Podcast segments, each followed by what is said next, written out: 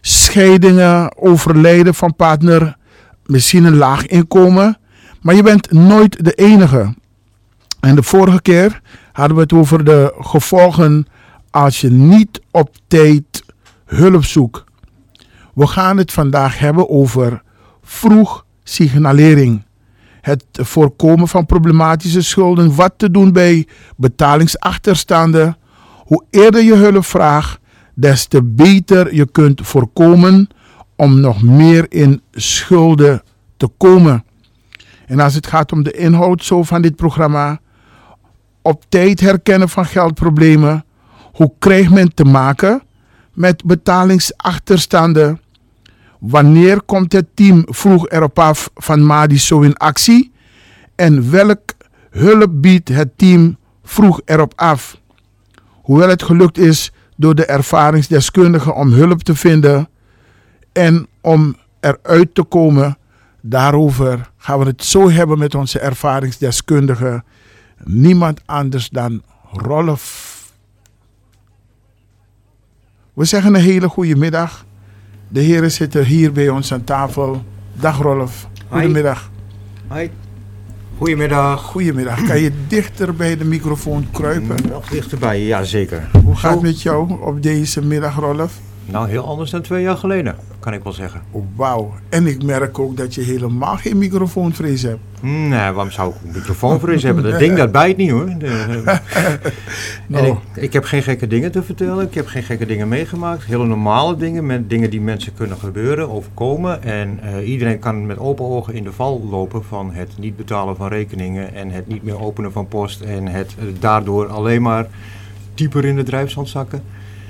Totdat Madi of een dergelijke organisatie een helpende hand uitstrekt. En dan moet je hem wel aannemen. Oké. Luisteraars, Rolf is een ervaringsdeskundige die bij ons zit op deze middag. En Rolf had een huurachterstand. Hij zat in een situatie waarin de huur niet werd betaald. En Rolf had nergens meer zin in. Vooral na het verlies van zijn moeder. Er zijn veel dingen gebeurd. Rolf, kan je ons meenemen in jouw verhaal? Ja, dan ga ik nog maar niet bij de geboorte beginnen, want het wordt een hele lange sessie dan. Maar in ieder geval, ik heb op een gegeven moment, ik had een hele goede baan. ik was een beetje langmoedig met geld geworden en betaalde eigenlijk zelf nooit rekeningen. Betaalde eigenlijk rechtstreeks aan de deurwaarders, die dan, eh, of incassobureaus. En dan was weer voor een tijdje was het rustig. En dat kan je niet volhouden als je ineens niks meer verdient. Dat kan je even volhouden en dan gaat het heel erg mis. Ik heb die baan bij die bank vaarwel gezegd en ik, ben, ik heb gekozen voor eh, de weg van mijn hart. En ja, dan raak je ineens in een heel andere inkomenssituatie. En als je uitgavenpatroon daar niet op aanpast, dan gaat het mis. Oké. En, en je, je, het, je had het over het verlies van je moeder. Correct. En vervolgens kom je in een, een situatie waarbij je eigenlijk, omdat je zo verdrietig was, niet eens meer bezig was met het eh, openen van je post. Ja, die neiging had ik toch al een beetje, maar eh, in, na zeven jaar prachtige tijd met uh, mensen dat een, vervolgens na een maand professionele zorg om zeep geholpen is, had ik het even helemaal gehad en dat, dat, ja, dat is dan mijn verhaal, maar andere mensen hebben andere verhalen. Op een gegeven moment zie je het niet meer zitten, je ziet geen gat meer in de toekomst, je bent 55 en wie zit er nog op uh, jou te wachten als werknemer?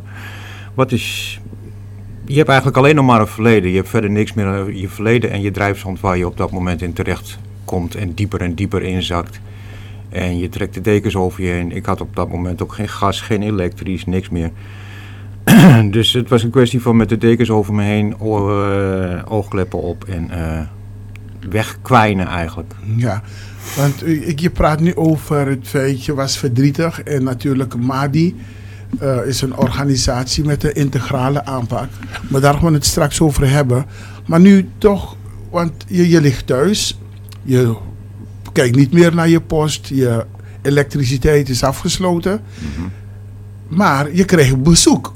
Wat, wat gebeurde er? Want opeens komt er iemand op je deur kloppen terwijl je denkt van laat me met rust. Mm -hmm. Ik ga hier rustig, om het maar even zo te zeggen, laat me rustig doodgaan. Ja, dat was een beetje het idee, ja. Laat mij maar gewoon lekker wegsterven. Mm, er was ik woon in een portiekwoning en er was beneden al herhaaldelijk aangebeld door, blijkt later, vroeg erop af, in het kader van eh, niet betaalde huur. En ik had inmiddels al wel maatschappelijk werk en daar loog ik tegen dat het allemaal eh, in orde was. En dat ik het allemaal wel in de hand had. En ze was bezig met, neem alsjeblieft uh, bewindvoering, want dat ga je toch niet trekken. En ik zei, na een stuk eigenwijs als ik ben, ik red dat wel. Ik ga dat wel goed, dat gaat allemaal goed komen. Ging natuurlijk niet goed, want ik lag onder de wol en ik deed verder niks meer. Totdat ik uh, gebonk op de deur hoorde. Ik denk, oh, daar zou je de politie hebben. Maar het was gelukkig geen politie. Het was maatschappelijk werk met de allerlaatste kans om nog wat te redden. Want de dag erna zou ik de deur uitgezet worden. En toen heb ik even de tijd genomen om afscheid te nemen van mijn spulletjes. En terwijl ik daar zo mee bezig was, dacht ik, ja maar wacht eens even. Ik heb eigenlijk toch iets te veel om zomaar aan de kant te smijten. En toen werd ik ineens wakker. Toen heb ik als een razende de Mari gebeld van... Uh, oké, ik uh, grijp nu die helpende hand die zich uh, naar mij uitstrekt en trek me uit mijn drijfzand. Ik ben er naartoe gegaan en we hebben... Willem heeft, Willem de jongen die hier naast me zit... Die heeft vervolgens met de deurwaarder gebeld en de verhuurder en geregeld dat dat kleine beetje reserve wat ik nog had, dat was net genoeg om alle achterstallige huur te betalen en de gerechtskosten en de deurwaarderskosten en nog een maand extra huur en ik mocht blijven wonen. En van daaraf is een langzame klim, maar een hele mooie klim naar boven, mede dankzij de Madi, ingezet. Ja, als ik zo naar je luister, want uh, hoe lang was jouw huur niet betaald? Want, want uh, jij hebt niet uh, contact opgenomen met de, de, de, woningbouw, of met de organisatie waarbij klopt, je klopt, huurde. Klopt. Maar die hebben eigenlijk ervoor gekozen, omdat ze zagen dat jij niet betaalde, om maar die in te schakelen. Ja. En hoe groot was je achterstand? Ik denk dat het iets van vier maanden was. Vier maanden? Ja. Ik had in het verleden sowieso al een beetje een reputatie opgebouwd van hij betaalt even een paar maanden niet en dan komt ineens de hele smak weer. En dit keer betaalde ik helemaal niet meer en dan reageerde ik nergens meer op. Maar is het ook een beetje geluk dat je daar vier maanden... Beetje? zeg maar een heleboel hoor, zeg maar een heleboel geluk. Dat is gewoon um, uh, een godsgeschenk, dankbaar op mijn blote knieën en uh, noem het hele, hele riedeltje maar op, ja. Oké, okay. en dan, dan uh, de Madi die komt en dan gaat het om zeg maar het feit dat je dus schulden hebt. Mm -hmm. Die kan je niet betalen, maar je bent als mens ook zeg maar in zak en as. Ja. En ik denk niet dat men alleen kijkt naar je geldproblemen of het feit dat je schulden hebt. Men kijkt ook van, maar wat is er met die Rolf aan de hand? Correct. Hoe, hoe heb je dat ervaren? Want je wordt daar opgevangen. Hoe gaat zoiets? Ja, als een warme deken eigenlijk. Gewoon als een warme deken. Ik had een hele lieve maatschappelijk werkster. En, uh, ook een maatschappelijk werkster van de Madi? Ook van de Madi, ja, correct. Ja. En ik was, uh, die winter was ik nog bij, um, zonder uh, licht en zonder gas in de winter, in het donker. De kerst op je af zien komen. Ik was op een gegeven moment naar de huisarts gestapt van... laat mij alsjeblieft maar inslapen. Doe mij een spuitje. En ze zei, nee, je krijgt een psychiater. dus uh, dat wilde ik in eerste instantie niet, maar ze zei als die psychiater zegt, jij, krijgt, jij verdient een spuitje, dan krijg je van mij een spuitje. En onder die voorwaarden ben ik daarheen gegaan. en natuurlijk wist zij ook wel dat het helemaal nooit zo ver zou komen, maar ik natuurlijk niet. En het maatschappelijke gedeelte heb ik uh, gelukkig aan Madi kunnen overlaten, maar het uh, geestelijke gedeelte, ja, daar was iets meer hulp voor nodig. Oké, okay, dus je hebt en, toch gebruik gemaakt van een psychiater? Ik heb alle uitgestrekte handen aangegrepen die mij werden aangereikt om dat drijfstand uit te komen, ja. Ja. Correct. En, en eigenlijk wat ik interessant vind aan jouw verhaal, want in het vorige gesprek heb je ook aangegeven dat je op een gegeven moment je verbonden bent gaan voelen als het gaat om dat wat ze bij Madi doen, omdat die aanpak jou beviel. Ja. Klopt het wat ik zeg? Wat, wat is dat? Wat, wat maakt dat jij je krijgt een reikende hand. Mhm. Je bent in zak en as, want je wil niet verder leven. Ja. Je komt aan bij zo'n organisatie als Madi. En vervolgens Gebeurt er iets? gebeurt er iets met Ja. jou. Wat is er met jou gebeurd? Vertel me wat. ik vind het boeiend. Oké, want je hebt een afspraak. Op een bepaald moment heb je een afspraak, moet je op kantoor komen. En dan verwacht je een eh, rij met eh, stoeltjes waar iedereen eh, voor zich uit zit te staren. Maar je gaat daar zitten aan een ronde tafel met een heleboel andere mensen. Allemaal mensen uit Zuidoost. Ik, ik woon al bijna 30 jaar, of tenminste ik heb al bijna 30 jaar een huis in Zuidoost. Ik heb daar eigenlijk nog nooit geleefd. Ik had daar toen helemaal nog nooit geleefd. En dan blijkt ineens dat er allerlei mensen zitten met allerlei verhalen. En van, alle, van, van heinde en verre komen ze hier naartoe. En voor het eerst merk je dan, vrek, ik kan weer genieten. Weet je wel, je zit daar midden in je depressie, zit je te wachten en eigenlijk met eh, een beetje in elkaar gedoken. En na dat half uur of drie kwartier, ik weet niet hoe lang ik erop zit te wachten, en met heel veel gesprekken en met heel veel gezelligheid en gelach en alles. Het was net of er een beetje de zon doorbrak. En dat midden in de winter en zonder gas en elektrisch, dat is toch wel een heel bijzonder iets. En op een gegeven moment ook, tijdens een keer dat ik daar zat te wachten, kwam er iemand van de groep Rust zonder Roest uh, vragen of ik zin had om mee te doen aan een cursus. Ik denk, nou, laten we dat maar eens proberen. Kom je weer hele andere mensen tegen, weer hele mooie mensen, weer hele mooie verhalen. Mhm. En dan langzaam maar zeker ga je de oogklippen af en denk je, er is nog heel veel om mij heen. En er is ook heel veel zin om verder te gaan met mijn leven. Uiteindelijk had dat meer effect dan die hele psychiater, ja. Wauw. Ja. Even, ik moet te lachen hierop. Ja, nou is het toch ook zo. Mensen onder elkaar, dat is toch het mooiste wat er is. Ja, hè? Ja. En dus je komt... Maar eigenlijk, ik, ik ben ook benieuwd, want... De manier waarop je dit vertelt... Mhm. Je, je geeft aan, ik kom bij Madi. Vanwege het feit dat ik mijn huis uitgezet zou worden. Je komt al in de wachtruimte mensen tegen. En volgens Ja. mij is dat een veelkleurigheid aan mensen. Jazeker.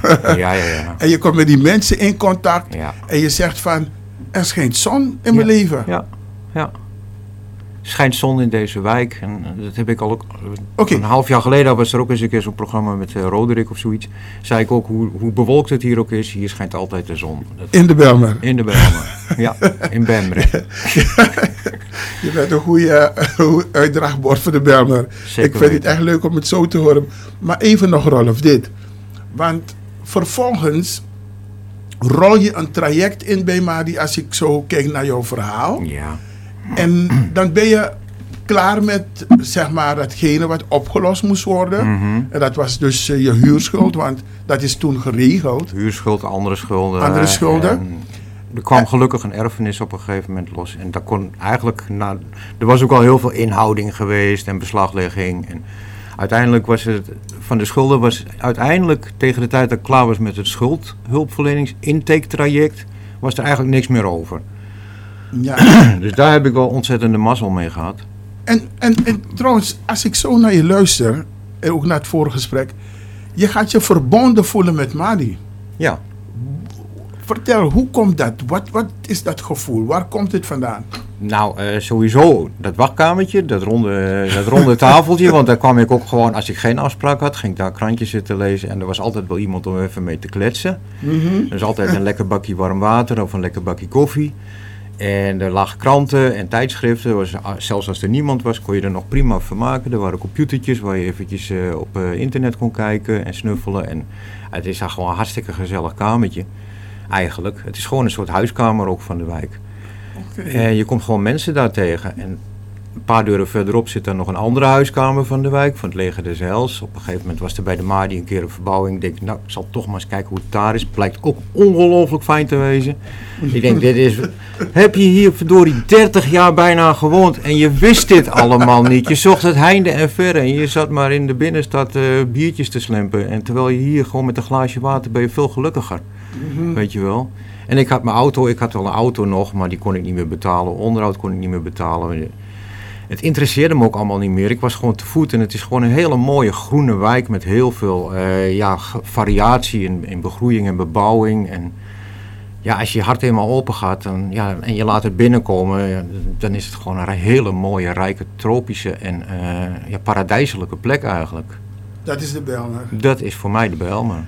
Nog iets, want je hebt toen besloten, na die ervaringen, Ja. nadat je weer uit het daal bent geklommen, om ook, zeg maar, onderdeel te zijn als vrijwilliger bij, bij. Klopt.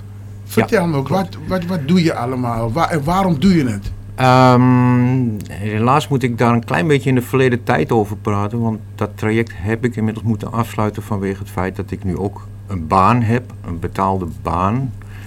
Waar ik nooit op afgekomen zou zijn als ik niet die training die de MADI daarvoor gegeven heeft, had gevolgd. Namelijk eh, een, een training, een pilot van een training waar ze nu mee aan het werk zijn om die voor iedereen beschikbaar te maken.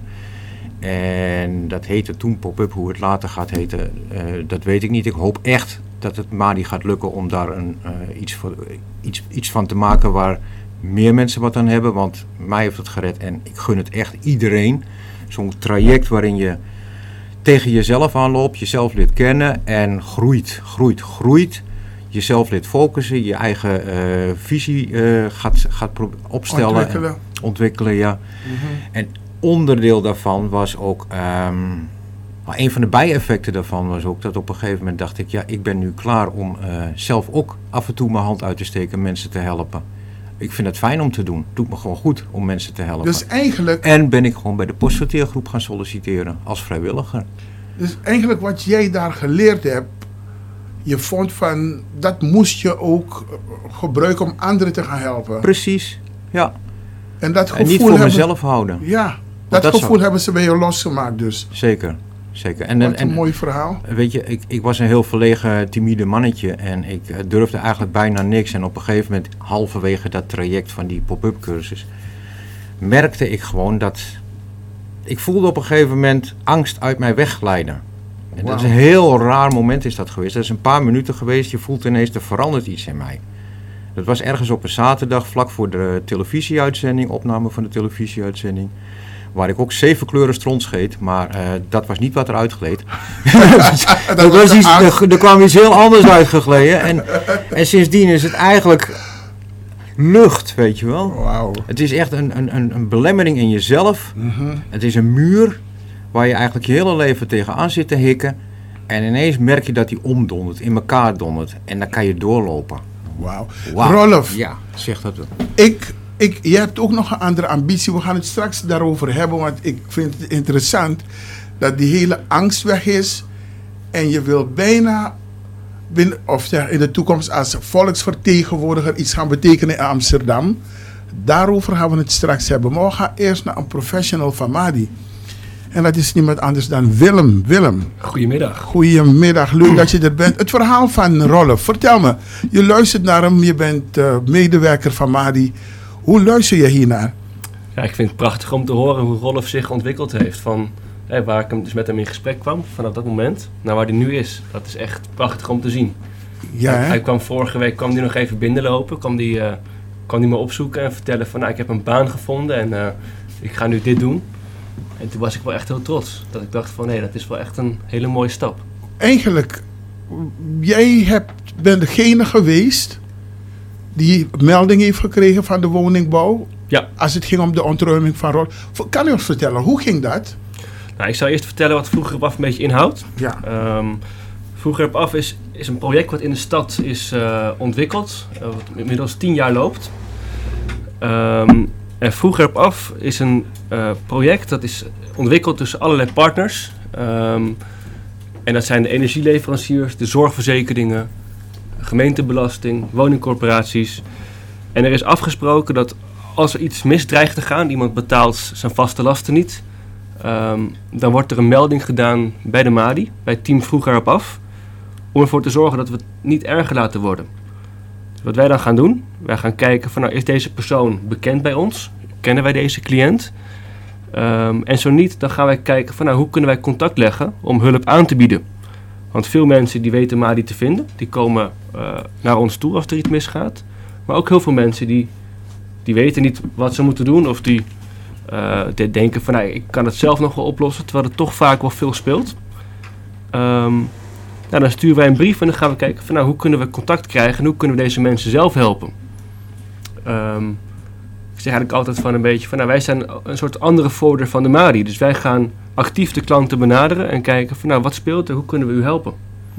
En um, in Rolf's geval kregen wij dus een melding binnen van een ontruiming. Dus dat is niet meer in een vroeg stadium, dat is dus als het al geëscaleerd is. Maar je hebt een verschil hè? Ja. Vroeg erop af en erop af. Ja, en uh, wat, wat, is het verschil? Nou, bij vroeg erop af, dan krijg je een melding binnen dat het preventief is.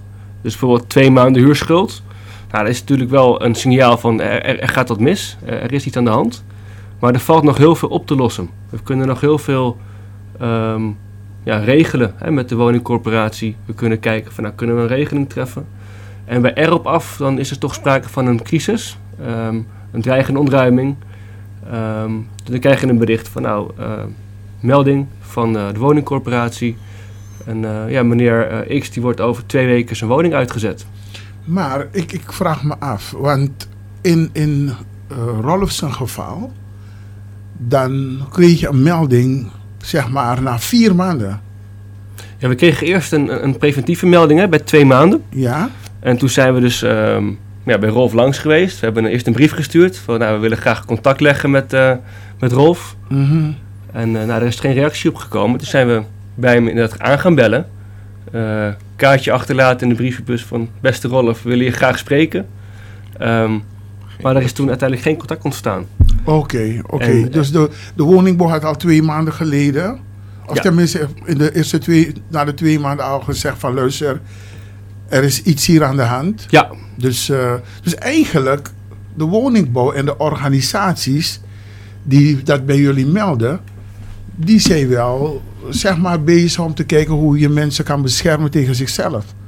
Ja, dat klopt. Dit is een uh, project wat, wat de gemeente natuurlijk heeft uitgerold, een jaar ja. of tien geleden, in heel de stad. En het, het, werkt heel goed, want als je gaat kijken naar de cijfers, ik heb de cijfers natuurlijk niet, niet in mijn hoofd nu, of niet, niet specifiek, maar het aantal ontruimingen is natuurlijk wel heel erg teruggelopen. Oké. Okay. Tien jaar geleden waren er heel veel ontruimingen in de stad. Mm -hmm. En um, ja, doordat we nu preventief bezig zijn en ook als het al geëscaleerd is, toch nog een keer hulp aan gaan bieden ja. bij mensen die wellicht zelf geen hulp zoeken. Um, ja, zo, zo voorkom je echt die ontruiming. Oké, okay. en toch ben ik benieuwd, want je, je, je, op een gegeven moment gaat het om het ontruimen van iemand. De woningbouw is uh, zeg maar op dat moment bezig met het proces van uitzetting. Maar je komt met iemand in aanraking die een probleem heeft. En dat is niet alleen een huurschuld. Uh, nee. wat, wat doe jij als, als uh, eerste contactpersoon van Madi? Waar, waar kijk je naar en wat zijn de dingen die je alvast gaat inzetten om dat integraal aan te pakken? Nou ja, natuurlijk vaak als je voor een ontruiming staat, dan weet je zeker van nou, er, er speelt hier veel meer dan alleen maar een huurschuld. Dan ga je er natuurlijk al een beetje van uit van hè, dit is een signaal van hè, de, woning wordt ontruimd, dat er veel meer speelt. Dus wat we dan doen, we gaan vaak als we op huisbezoek zijn, gaan we gewoon samen aan tafel zitten bij de cliënt thuis. Eigen omgeving, is ook voor de klant het fijnste. En dan gaan we om tafel van, nou, wat speelt er? En dan proberen we gewoon middels een goed gesprek ja, uit te vragen wat er allemaal aan de hand is. En dan um, ja, stellen we samen een plan van aanpak op. Dus wat kunnen we doen om deze situatie weer beter te, weer op te lossen? Oké. Ik, ik zat ook van uh, iemand die, die, die ziet jullie aankomen en die heeft een bepaalde reactie. Die heeft zoiets van, maar wacht even, wie zijn jullie? En uh, hoe vaak is het, zijn mensen blij nadat jullie die interventie hebben gedaan? Of, of hoe, hoe werkt dat precies? Dat is heel wisselend. Kijk, natuurlijk, um, wij bellen aan. We komen vaak voor de mensen onaangekondigd. Hè? Want we sturen wel een brief waarin we ook aangeven dat we graag contact willen. Uh, en als we geen contact krijgen, dat we langskomen. Nou, de meeste mensen die zijn toch vaak wel heel erg, heel erg blij dat er toch hulp geboden wordt. Ik krijg vaak de reactie, oh het goed dat jullie langskomen. Dat had ik nooit verwacht. Um, dus het is vaak heel positief. Vaak mag je ook binnenkomen, dan ga je rustig zitten. Um, maar het kan ook gebeuren dat iemand zegt van, ah nee, ik heb helemaal geen hulp nodig. Ik kan het zelf wel oplossen. Nou, dan noteer je vaak telefoonnummer en dan bel je een paar weken later nog even op van... Mevrouw, is het gelukt? Of meneer, is het, is het gelukt? Um, dus probeer je toch wel het contact een beetje te houden. Oké, okay. en stel dat iemand gewoon na de tweede melding bij erop af... Ja. zijn deur toch niet open doet. En zoiets heeft van, weet je wat, het kan me niks meer schelen. Wat is dan het... Wat zetten jullie dan in om toch mensen zover te krijgen dat ze die hulp aanvaarden? Ja, dat is lastig. Kijk, als je een woningontruiming hebt en hè, je hebt een brief gestuurd, je bent twee of drie keer langs geweest, de datum nadert, eh, dan wordt dat natuurlijk wel een probleem. Ehm, wat we dan wel doen, is dat we dan ehm, ja, verder schakelen. Dan wordt het meldpunt zorg en woonoverlast ingeschakeld. Ehm, eventueel de wijkagent wordt ingeschakeld, omdat er kan van alles aan de hand zijn. Natuurlijk, als je een volle brievenbus aantreft, die al maanden niet geleegd is, is toch wel een, teken van, we moeten ons wel zorgen maken, want hier is wel echt iets aan de hand. Ehm, het kan natuurlijk vaak zijn dat iemand het zelf opgelost heeft, zelf de deurwaarder heeft gebeld. Ehm, maar, maar vaak is er toch ja, nog een ontruiming op handen. Dus dan moet er wel geschakeld worden met andere instanties. Ja. Oké. Ehm, uit hoeveel mensen bestaat jullie team? Hoe, hoe groot is jullie team? Momenteel hebben wij uh, negen mensen waarmee wij het uh, team vormen. Oké, en is het druk? Zijn er heel veel dingen te doen? Als je het hebt over negen mensen, dat betekent dus dat jullie dagelijks bezig zijn. Ja, we hebben veel meldingen. Um, we, we, krijgen behoorlijk veel meldingen. Um, bijna dagelijks komen er wel meldingen binnen. Um, vooral de meldingen van de zorgverzekering, die zijn vaak, uh, zijn vaak heel veel meldingen. Mm -hmm. Maar ook, ook de huurmeldingen. Ja, het zijn toch, toch redelijk, redelijk veel mensen die toch problemen hebben om, om de huur te betalen. Ja. En als, als het gaat om, om, je zegt vaak, als het gaat om de zorgpremie, hè? Is het omdat mensen vaak vinden dat dat van ondergeschikt belang is? Wat, wat is jouw inschatting? Of, of mensen keuzes maken, hè? want je moet schulden betalen en sommige mensen die hebben misschien een krappe budget. En, en is dat de reden waarom mensen dan misschien keuzes maken als het gaat om zorg? Nou, je merkt wel inderdaad dat, dat er, uh, als er als problemen met, met, met financiën zijn, dan wordt er wel geschoven. En dan wordt een maandje dit niet betaald, dan de volgende maand dat niet betaald. Um, maar je merkt wel dat, dat vaak de zorgverzekering, uh, dat dat het eerste is wat mensen um, ja, overslaan om te betalen. De huur wordt vaak als eerste betaald. En, en de zorg wordt vaak als eerste toch uh, overgeslagen. Ja. Ja, wat Willem zegt, komt me heel bekend voor. Zorgverzekering gaat als eerste aan de kant. Want je gaat toch nooit naar een dokter en als je er al naartoe gaat, dan kan ze je toch niet helpen. Dat soort ideeën. En je moet uiteindelijk toch heel veel eigen risico gaan betalen voordat je een keer wat terugkrijgt. Dus de verleiding is ook heel groot om die, schul, die, die zorg als eerste te laten vallen. Maar je bent er wel verplicht, dus je krijgt hem dan via het CAK nog eens een keertje dubbel en dwars terug. en eventueel CEIB. Dus dat kan aardig oplopen dan. En dan um, het heeft niet zo heel veel zin om te gaan schuiven. En de, de, de verleiding is wel groot, maar het heeft meer zin om dan gewoon aan te kloppen bij een instelling als de MADI. Van jongens, uh, ik zit nu eventjes financieel heel erg krap en ik weet even niet hoe ik het moet redden. Kunnen jullie mij uh, advies geven? In plaats van zelf maar wat te lopen knoeien. Ja. Maar dat doet natuurlijk niet iedereen, want iedereen is net zo eigenwijs als ik. Bijna hoop ik, verwacht ik een beetje. En die denkt, nou, het komt allemaal wel weer goed en het lost zich allemaal wel weer op, maar het wordt alleen maar erger. Ja, ja. Even, Waar je ook op beknibbelt, het wordt altijd een puinhoop. Ja. Willem, uh, er is een warme overdracht die je doet. Meestal uh, als je eenmaal in contact bent getreden met iemand die, die hulp uh, behoeft. Hoe, hoe ziet die warme overdracht eruit? Ja, dat is wel goed om te vertellen, want we maken natuurlijk hè, aan de voorkant een plan van aanpak. We gaan kijken wat er allemaal nodig is voor hulp, want ja, vaak is er, zeker in het geval van Rolf, toch, toch wat meer hulp nodig. Um, nou, dan kan ik bijvoorbeeld een maatschappelijk werker um, vragen om, om, met hem in gesprek te gaan of met een, met een cliënt. Ja, als er vaak ja, als, er iets is met een, bijvoorbeeld een scheiding of met de kinderen of spelen gewoon wat meerdere problemen in het gezin, dan is toch vaak een maatschappelijk werker wel, wel goed om eventjes in te zetten. Nou, we zien ook vaak dat iemand niet betaalt en dat het inkomen niet op orde is. Dus het kan zijn dat een toeslag ontbreekt, een huurtoeslag, een zorgtoeslag. Daar hebben we dan een social raadsman of een social raadsvrouw voor. Die gaan dan toch kijken van nou, hoe kunnen we het inkomen verhogen. Hè, want dat is vaak, vaak toch een probleem. nou, verder is er een, postsorteergroep. waar iedereen dus, als je dus heel veel post hebt die je niet geopend hebt dan kun je bij wijze van spreken je post in, in twee grote vuilniszakken meenemen. En dan wordt het samen met jou geordend. Dus dan gaat iemand van Madi, die gaat met jou samen zitten, maakt alle post open. En sorteert dat netjes op, uh, op welk bedrijf, op welke, um, welke vaste last is het. Dan wordt alles netjes in de map gedaan. Ehm, natuurlijk is er ook schuldhulpverlening. Hè? Want dus als iemand echt meerdere schulden heeft waarvan wij denken van nou, daar kan je niet zomaar uitkomen. Uh, daar is echt uh, specifieke schuldhulpverleningshulp voor nodig. En dan, dan wordt er een schuldhulpverlener ingezet. Um, dus eigenlijk alle disciplines van MADI die er zijn, daar kunnen wij naar doorverwijzen. En wij zorgen dan altijd wel dat, um, dat wij ertussen blijven zitten. Dus wij zorgen dat de klant op een warme manier overgedragen wordt. Dat wij contact met de klant houden. Dat we nog af en toe even bellen van, nou eh, meneer, u heeft volgende week een afspraak. Uh, let erop dat u er wel naartoe gaat. Dus we blijven er toch een beetje tussen zitten. Oké, okay, breed eigenlijk als ik dit zo hoor.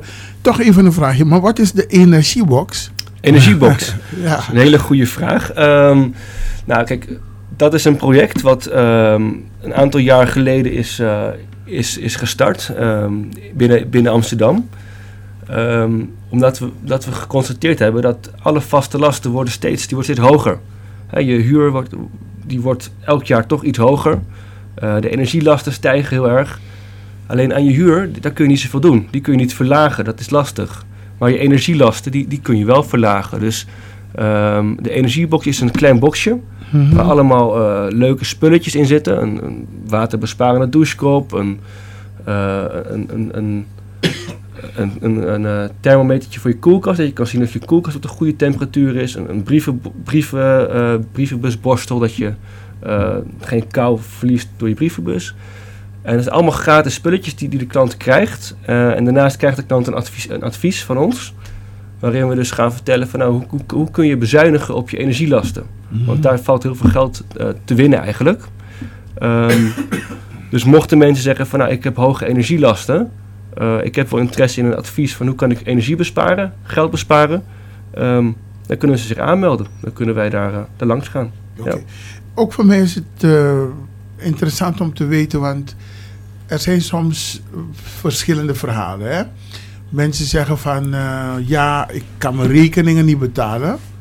Maar in de wintermaanden dan mag zeg maar de energieleverancier me toch niet afsluiten. Want dat is iets wat geregeld is door de overheid. Men moet rekening houden met mensen dat je ze niet in de kou kan laten. In hoeverre zijn die verhalen waar? Dat is wel inderdaad zo. Inderdaad. In, in de wintermaanden dan mag iemand niet afgesloten worden. Um, als je al afgesloten bent, ja, dan, dan zul je afgesloten blijven. Maar in, in, de december, in de wintermaanden, als het echt gewoon koud is, dan mag je niet afgesloten worden. Dat klopt. Dus de, de, de overheid staat dat niet toe. Zo'n energieleverancier, die mag dat dus niet doen. Dus stel, diegene zou niet betaald hebben, de energieleverancier gaat ertoe over om toch te dreigen tot sluiting.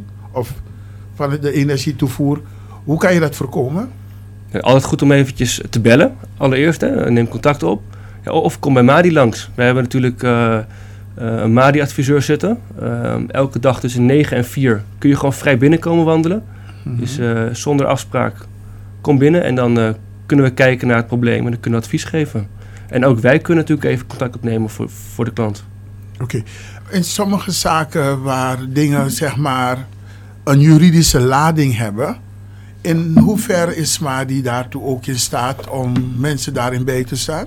Ja, daar hebben we de social raadsman of social raadsvrouw voor. Um, die kunnen dan met de klant gaan kijken van nou, moeten we een bezwaar maken, hè, bezwaarschrift schrijven. Um, dus die kunnen inderdaad kijken van is de schuld, is het een terechte schuld of is het onterecht? En die kunnen altijd even met de klant uitzoeken van ja, hoe komt het nou? Moet er bezwaar gemaakt worden? Um, dus die kunnen altijd even helpen. Ja. Dus juridisch... Uh, Juridische hulp kunnen we ook bieden, ja. Oké. Okay. Uh, luisteraars, uh, dit wat wij doen...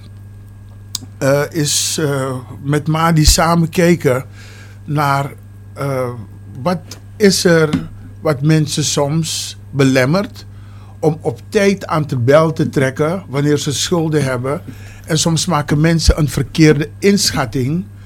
en komen pas later in actie waardoor het uh, te laat is en dat er zeg maar heel veel dingen verkeerd kunnen gaan in je leven. En de reden van deze programma's is puur om mensen te motiveren om gebruik te maken van de diensten van Madi. We gaan eerst naar Rolf. Rolf, kijkend naar jouw ervaring. Ja. Als je mensen nu zou adviseren, wat is jouw advies naar mensen toe? Nou, steek je kop gewoon niet in het zand. En eh, op het moment dat je merkt, eh, ik ga het eventjes niet trekken. eh, het is helemaal niet erg om te vroeg aan de bel te trekken. Het is wel stom om te laat aan de bel te trekken. Ja. Dat is eigenlijk heel kort waar het op neerkomt. En als je het hebt over Madi en je zou, als het gaat om dat wat jou, wat je ervaringen met Madi, Mhm. wat zeg je mensen dan? Nou, dat is een warme deken. Is een warme deken. Ja, ik kan het niet anders noemen. Het is gewoon een, een organisatie die je met open armen on- ontvangt en die gewoon weet waar ze het over hebben. En hier, het is een organisatie, er werken mensen. En waar mensen werken, daar kunnen wel eens dingen niet helemaal goed gaan. Maar ze hebben ook zelfregulerende eh, eh, systemen, waardoor ze de, de fout die de een maakt, wordt toch weer opgepakt door een ander en gecorrigeerd eventueel. En jij wil burgemeester worden. Willem, mag ik jou ook bedanken voor jouw bijdrage op deze ochtend. Ja, graag gedaan. Eh, interessant, dat van vroeger op af. We zijn er volgende week weer. Madi Zo Sociaal, speciaal voor u. En u hoorde de motivatie achter dit hele gebeuren. Is dat u in elk geval voorzorgsmaatregelen treft. En als u het niet meer weet, gaat u googlen als u in Zuidoost woont. Madi, bel gewoon. In Suriname zouden we zeggen Notekshing Nyawisi. Bel met Madi, los je problemen op. Want het kan je leven alleen maar mooier en makkelijker maken zoals Rolf dat verwoord heeft.